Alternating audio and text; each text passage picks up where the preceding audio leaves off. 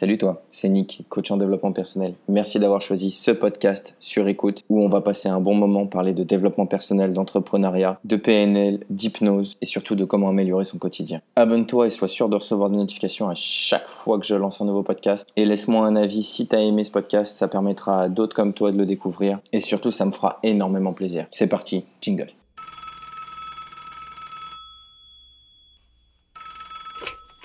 Allô, c'est toi? Quitte pas. T'es sur écoute. Maybe you should pull the fucking trigger. Pull the trigger. Ain't nobody gonna do for you. Pull the trigger. Salut à toi, salut la compagnie, comment ça va aujourd'hui? Alors j'ai peut-être un cri un peu fort pour vos oreilles, mais voilà, c'est mon tout premier podcast et je suis heureux que vous soyez avec moi. Alors écoutez, aujourd'hui je pense que pour une première fois, le mieux c'est de se Pour tout vous avouer, euh, j'ai déjà fait ce podcast, je l'ai déjà enregistré, il était tout prêt et je me suis dit, mais attends, si je vous faisais une petite intro, boum Et voilà, donc du coup, je vais tout refaire à zéro. Alors déjà, on va se tutoyer euh, parce que je ne sais pas si tu es le seul ou la seule à m'écouter ou si on ne sera nombreux.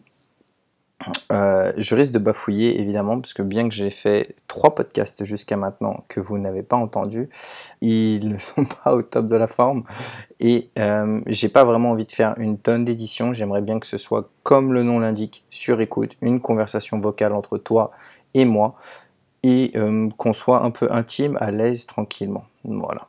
Alors moi c'est Nick, coach en développement personnel.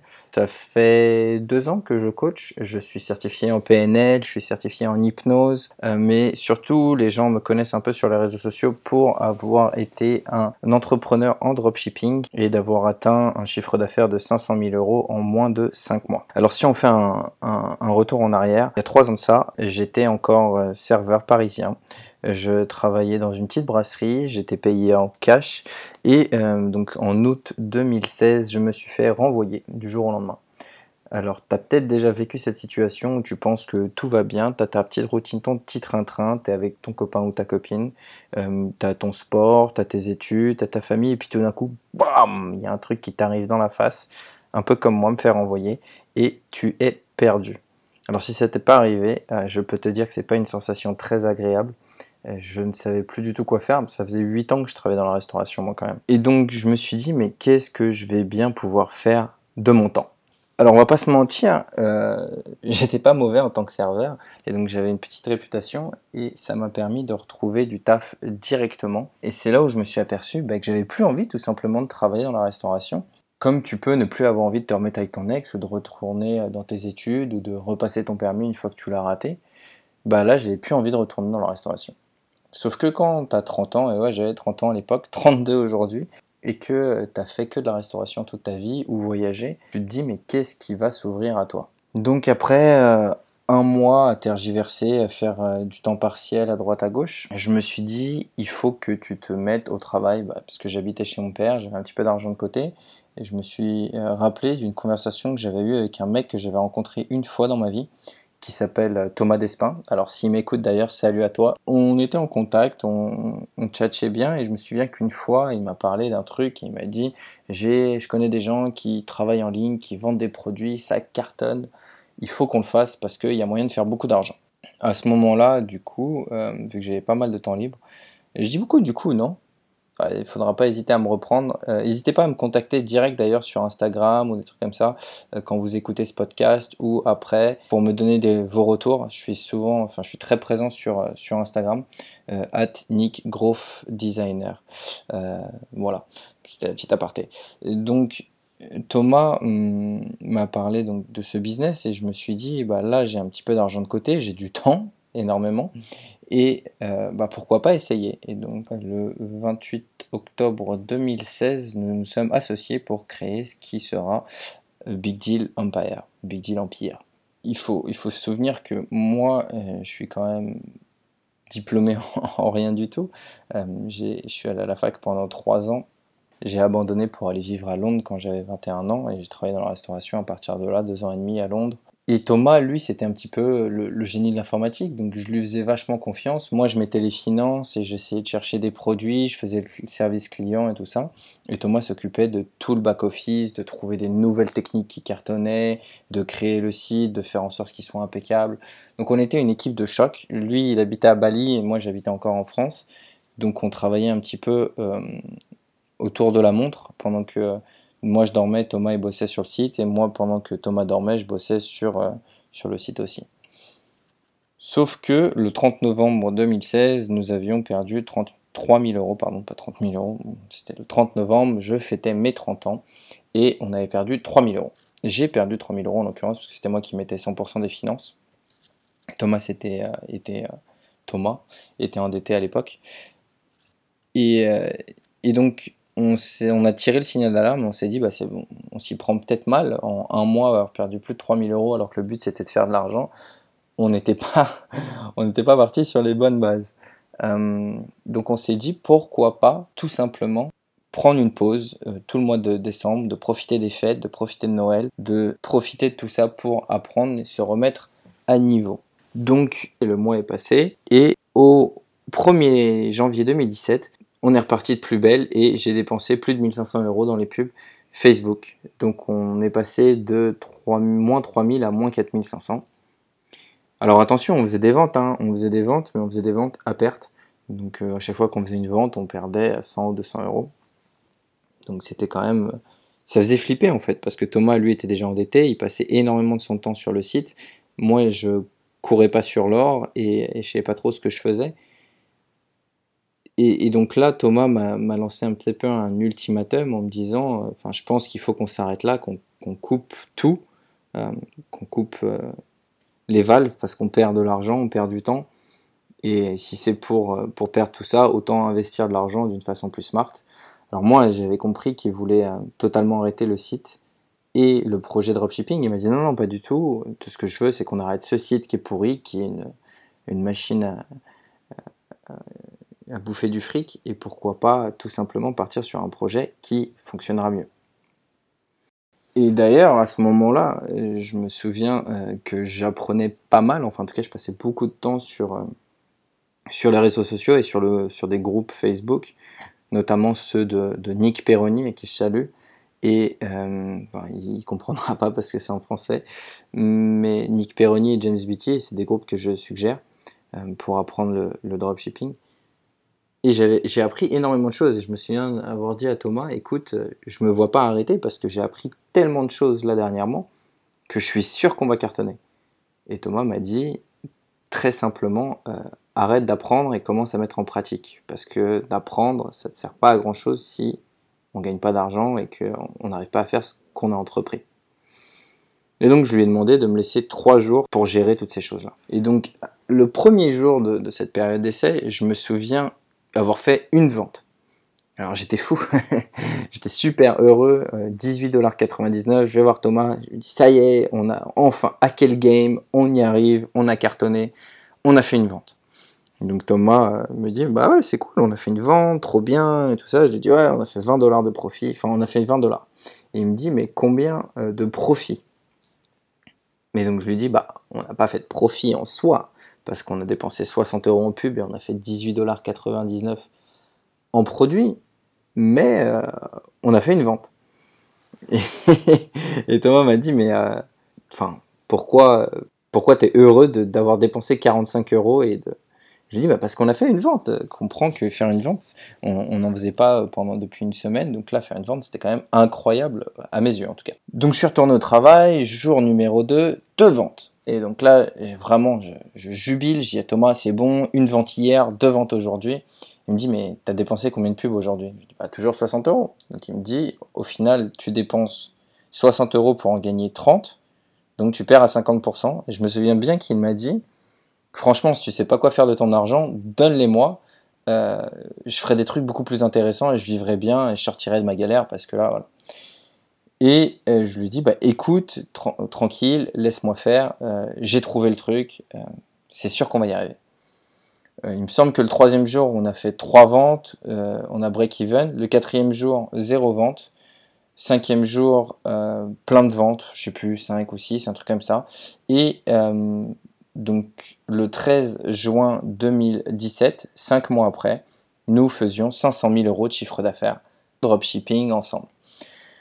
Donc, waouh, tu vois, euh, 9 mois plus tôt, j'étais serveur dans la restauration, je me faisais renvoyer, j'habitais chez mon père, j'avais 30 ans, ça faisait 10 ans que je faisais la même chose, zéro diplôme, 9 mois plus tard, patron de ma boîte, 500 000 euros de chiffre d'affaires.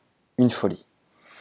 Donc à, à ce moment-là, Thomas, il passait beaucoup de temps sur les réseaux sociaux à partager notre histoire, à euh, en profiter pour euh, écrire sur Medium et, et sur euh, Facebook et, les autres réseaux sociaux. Et donc on, s'est attiré une certaine notoriété. Et de là, on s'est dit, c'est parti, on tente la Ecom Villa. La Ecom Villa, c'était un concept de retraite séminaire qu'on faisait se dérouler à Bali, où les gens venaient pour apprendre l'e-commerce et euh, se faire coacher, et puis passer un petit peu de temps ensemble et, réseauter. Mais là, vraiment, on s'attendait pas, on, se demandait un petit peu ce que ça allait, ce que ça allait devenir, puisque on n'a pas prévu grand-chose. Un an avant, jour pour jour, puisque le- l'e-com Villa est- était un an jour pour jour où je me suis fait virer. Euh, on s'est dit quelle crédibilité on a pour coacher des gens du monde entier. Et au final, bah, ça une réussite, notamment grâce à Nick Perroni, Agus, euh, Johanna, et puis tous les gens qui sont venus surtout. Euh, donc on était presque une trentaine sur place. Un truc incroyable. Et c'est là où j'ai eu la fibre. C'est là où j'ai eu la fibre et je me suis dit, boum, il faut que je fasse du coaching. Parce que, en fait, quand on a commencé le dropshipping avec Thomas, on s'est dit, on veut changer nos vies. On en a marre de faire ce qu'on fait, on en a marre d'être dans une prison à devoir bosser pour de l'argent. Sauf que quand tu fais du dropshipping, au final, ou en tout cas, ce, enfin, ce que je me suis aperçu pendant la, la Villa, c'est qu'il y a beaucoup de gens qui se lancent dans le dropshipping également pour quitter leur train-train, pour quitter cette prison euh, ou cette course, pour sortir de la course après l'argent, pour devoir vivre. Ils se lancent, dans- le dropshipping et, c'est un monde de solopreneurs. Alors, tu vois, c'est, de l'entrepreneuriat, mais tu te retrouves très seul, très isolé parce que tu es, seul, tu es chez toi, tu es derrière ton ordinateur, derrière ton téléphone H24, tu surveilles tout et tu as peur de te faire copier, donc tu parles à, per- à personne ou tu as honte parce que tu vends un produit qui est pourri et, donc tu, te retrouves très très seul. Et il y a beaucoup de gens qui se retrouvent dans le dropshipping encore moins heureux parce que même s'ils gagnent beaucoup d'argent, ils sont isolés et ils savent pas avec qui partager ou tout simplement ils gagnent beaucoup d'argent eux mais leurs- amis leur famille non. Donc ils, ils, ils arrivent plus à, partager des moments des moments simples avec des, des gens qui comptent pour eux. Et je me suis dit il faut vraiment que j'arrive à, voir comment aider ces personnes là à retrouver cette vision ou à retrouver cette motivation qui a fait que boum du jour au lendemain ils sont ils sont dit on part dans le dropshipping, on se lance. Alors je sais pas si toi tu as déjà eu cette situation là, mais c'est un peu comme quand tu quittes le lycée pour arriver à la fac, ou que tu quittes la fac pour arriver dans le monde du travail, ou que ta première meilleure amie ou ton premier meilleur ami se marie ou, ou, euh, ont un bébé, bah tout d'un coup, tu te retrouves plus en phase. Donc ça arrive. Sauf que quand tu fais du dropshipping, c'est toi qui t'isoles. Et, et même, enfin moi j'ai reçu beaucoup de critiques parce qu'il y a plein de gens qui me disaient mais t'es un mytho, tu peux pas faire autant d'argent, tu peux pas gagner autant d'argent, c'est pas juste, euh, comment ça se fait que t'aies fait ça aussi vite? Après il y a les gens qui ont voulu me copier, après il y a les gens qui, qui ont voulu profiter de mon argent, donc tu, tu te retrouves vite seul. Et c'est pour ça que j'ai voulu me lancer dans le coaching.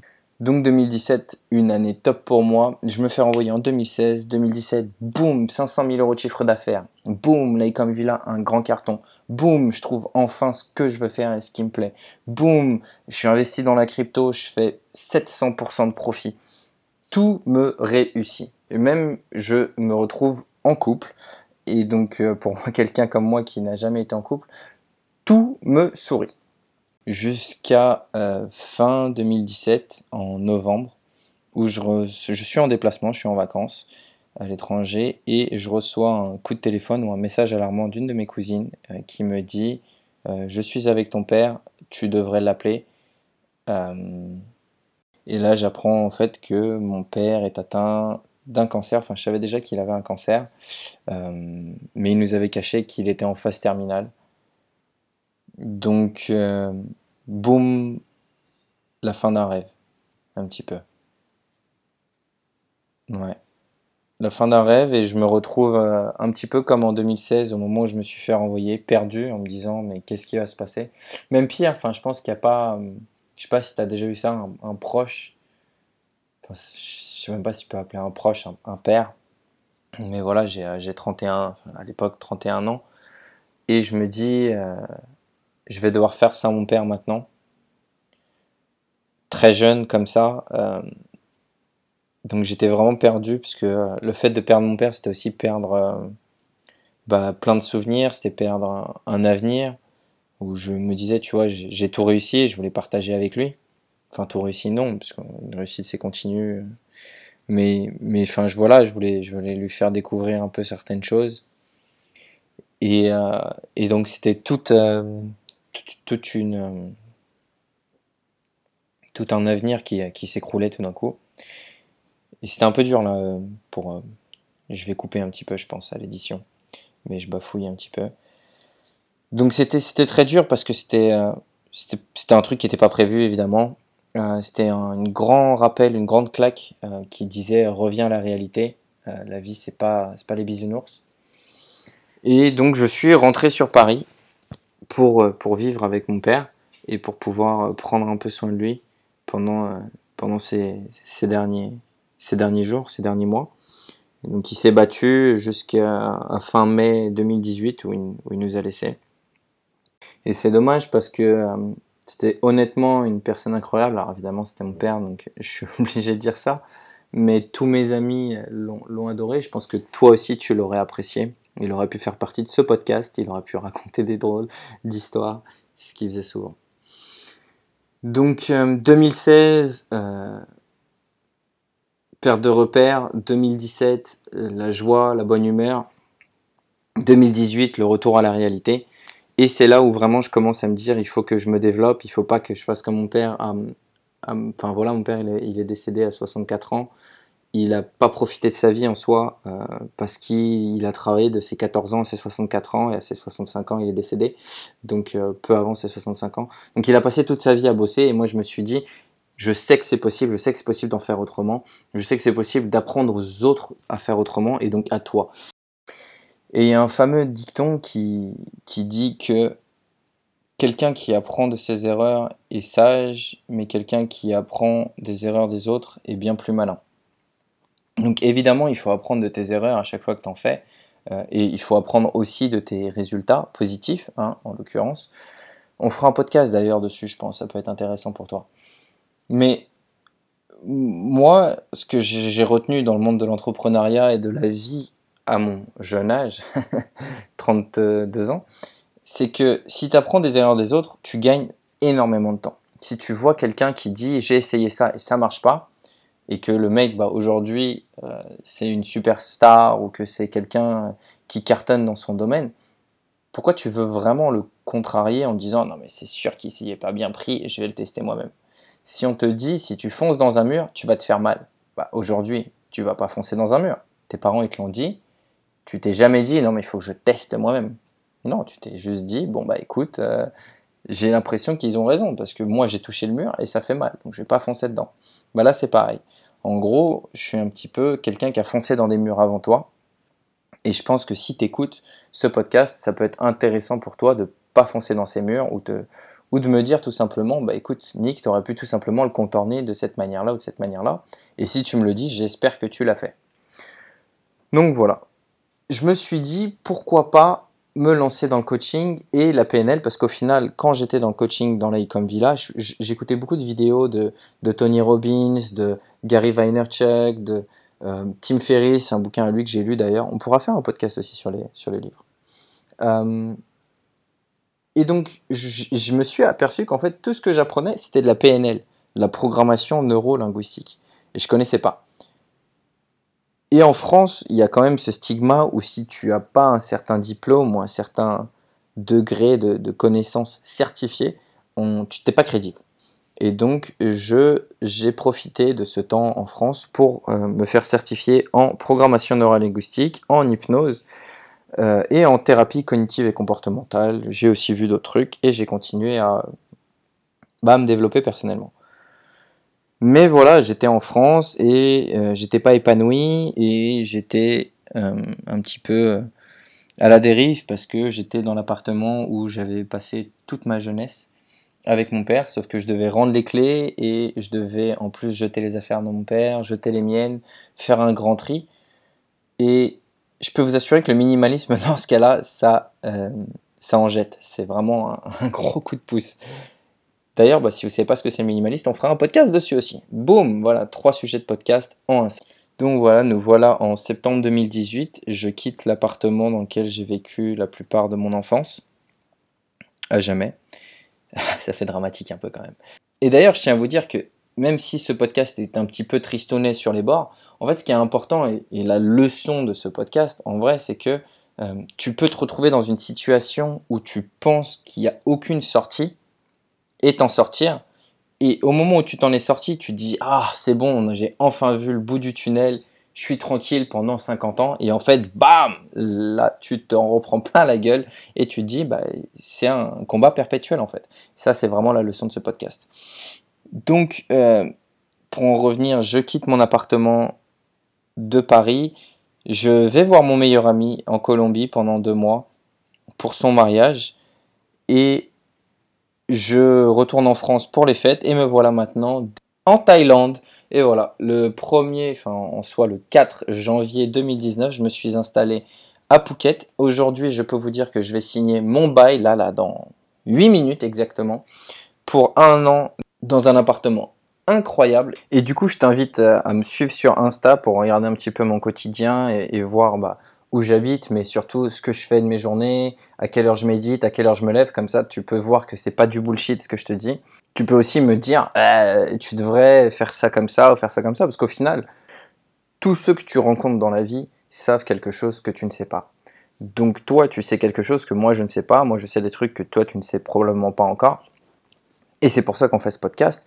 Et c'est pour ça que c'est intéressant si tu viens et que tu me, me- m'envoies des messages sur Insta et, qu'on parle et qu'on papote. Et comme ça, ça nous permet de nous développer tous les deux. Donc je t'invite à me suivre sur Insta, comme ça tu vas voir un peu mon quotidien. Il va y avoir aussi une page YouTube.